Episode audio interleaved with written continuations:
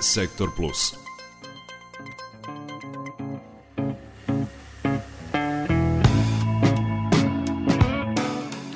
Novosadski srednjoškolci svoje slobodno vreme najviše koriste na društvene mreže ili na trening, dok se najmanje interesuju za volontiranje. Najsvežija su istraživanja predstavnika Gradskog učeničkog parlamenta.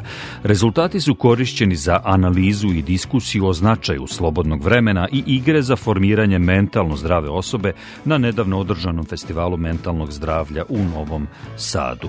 Na tribini Kultura slobodnog vremena u detinstvu zaključeno je da ne neformalne aktivnosti često pozitivno doprinose razvoju brojnih veština kod dece, dok nametnute stvaraju pritisak kojem se deca i mladi teško odupiru, a samim tim štete mentalnom zdravlju, zabeležila Biljana Kuriš.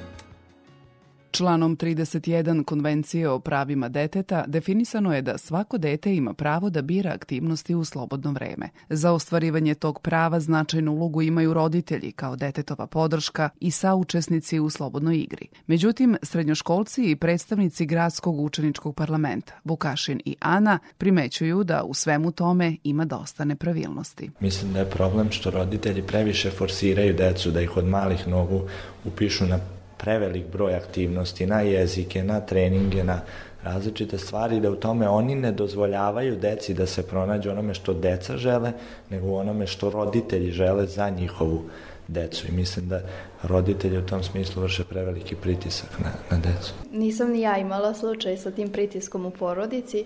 Ja, ja svoje roditelje smatram kao da pokušavaju da budu realni prema svakoj situaciji u kojoj se nađem. Porodica i sredina u kojoj deca odrastaju imaju važnu ulogu u posticanju na kreativnost i maštu koja se razvija u dokolici. Prema anketi, mladi najmanje biraju da u slobodno vreme čitaju ili volontiraju, a posete kulturnim događajima skoro da se i ne razmatraju. Mislim da je veliki problem predstavlja upravo taj negativni uticaj na društvenim mrežama, da mladi prosto više ne mogu da razlikuju šta je kvalitetan sadržaj, šta je nekvalitetan sadržaj, da ne umeju sebe da pronađu zaista u nečemu. Mislim da društvo nas vodi ka tome da ne možemo da razlikujemo nešto što je zaista vredno i da stoga mladi sve više idu ka tome, dakle da ih popularnost vuče u stvari u pogrešnom smeru, da oni ne mogu tome da pronađu sebe. Društvo nameće norme i onda onaj koji je van tih normi se osjeća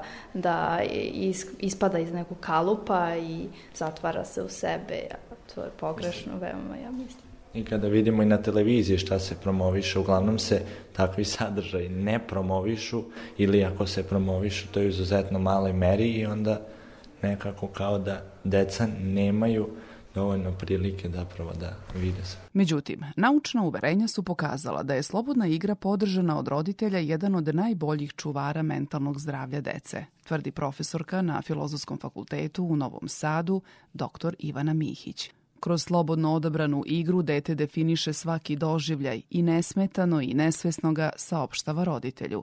Na taj način razvija svoje emocionalne i socijalne veštine. U takvoj vrsti slobodnog vremena sa detetom koja je posvećena isključivo detetovom vojstvu, onome što dete doživljava, misli, osjeća, želi, mi zapravo gradimo roditelje koji će biti svesni emotivnih potreba deteta, koji će znati da za njega kreiraju odnos sigurnosti, koji će za njega znati da, koji koji će znati da ga nauče šta to znači imati poverenje, osloniti se na nekog drugog, što morate priznati da je onako više nego važan zalog za celo odrastanje u našem današnjem društvu. Profesorka Mihić ističe da savremeni roditelji imaju problem sa organizacijom slobodnog vremena kod dece. Roditeljima je frka od slobodne igre generalno, zato što imaju utisak da gube konce nad onim što mogu dete da nauče, dok imamo neke aktivnosti koje imaju za roditelje vrlo jasan cilj i vrlo jasno postignuće, roditelji imaju utisak da znaju tačno tačno šta za dete rade, na koji način treba da ga usmeri i kako da napravi izvesnim da će dete biti dobro na razne načine, uspešno, da će svašta znati, da će, ne znam, savladati neke veštine i slično. Da bi svaka igra ili aktivnost kod dece ili mladih imala cilj, roditelji užurbano popunjavaju slobodno vreme svoje dece, ne razmišljajući da usvajanje činjenica nije ishod dečije slobodne igre. Kada gledate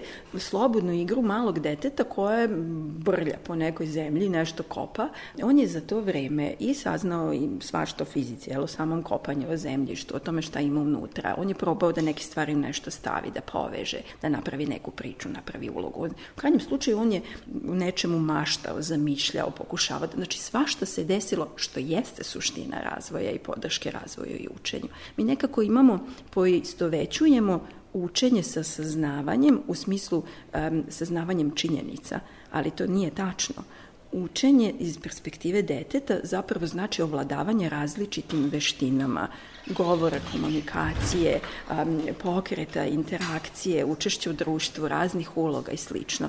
Pa onda i to slobodno vreme i ta slobodna igra i ta dokolica bi trebalo zapravo da bude podržana na način da omogući takvu vrstu učenja i onda više neće biti tako strašno. Zaboravili smo da su se najoriginalnije ideje rađale u dokolici da smo najbolje maštali igrajući se u prirodi na nekom drvetu, sanjali o putovanjima i bili najbolji borci kada zatreba – šta je zapravo pravo na slobodno vreme? Ono što većina dece zapravo najviše voli, to je da može da istraži i da stvarnost oko sebe i da stvarnost prilagodi sebi, onome što zna, onome u čemu je vešt, onome u čemu ume. To u najkraćem i jeste ta slobodna igra i to slobodno vreme. Jel? Da nekako sve što vidimo oko sebe, što nam je neka vrsta podsticaja, što nam je neka vrsta da, inspiracije, da se nečim bavimo, prilagodimo sebi i napravimo mali svet u kome je nama dobro, u kom smo zadovoljni, zadovoljni i slično. Slobodno vreme bi trebalo da služi da istražujemo svet na način koji nam je prijatan, da se osjećamo samopouzdano, sigurno, opušteno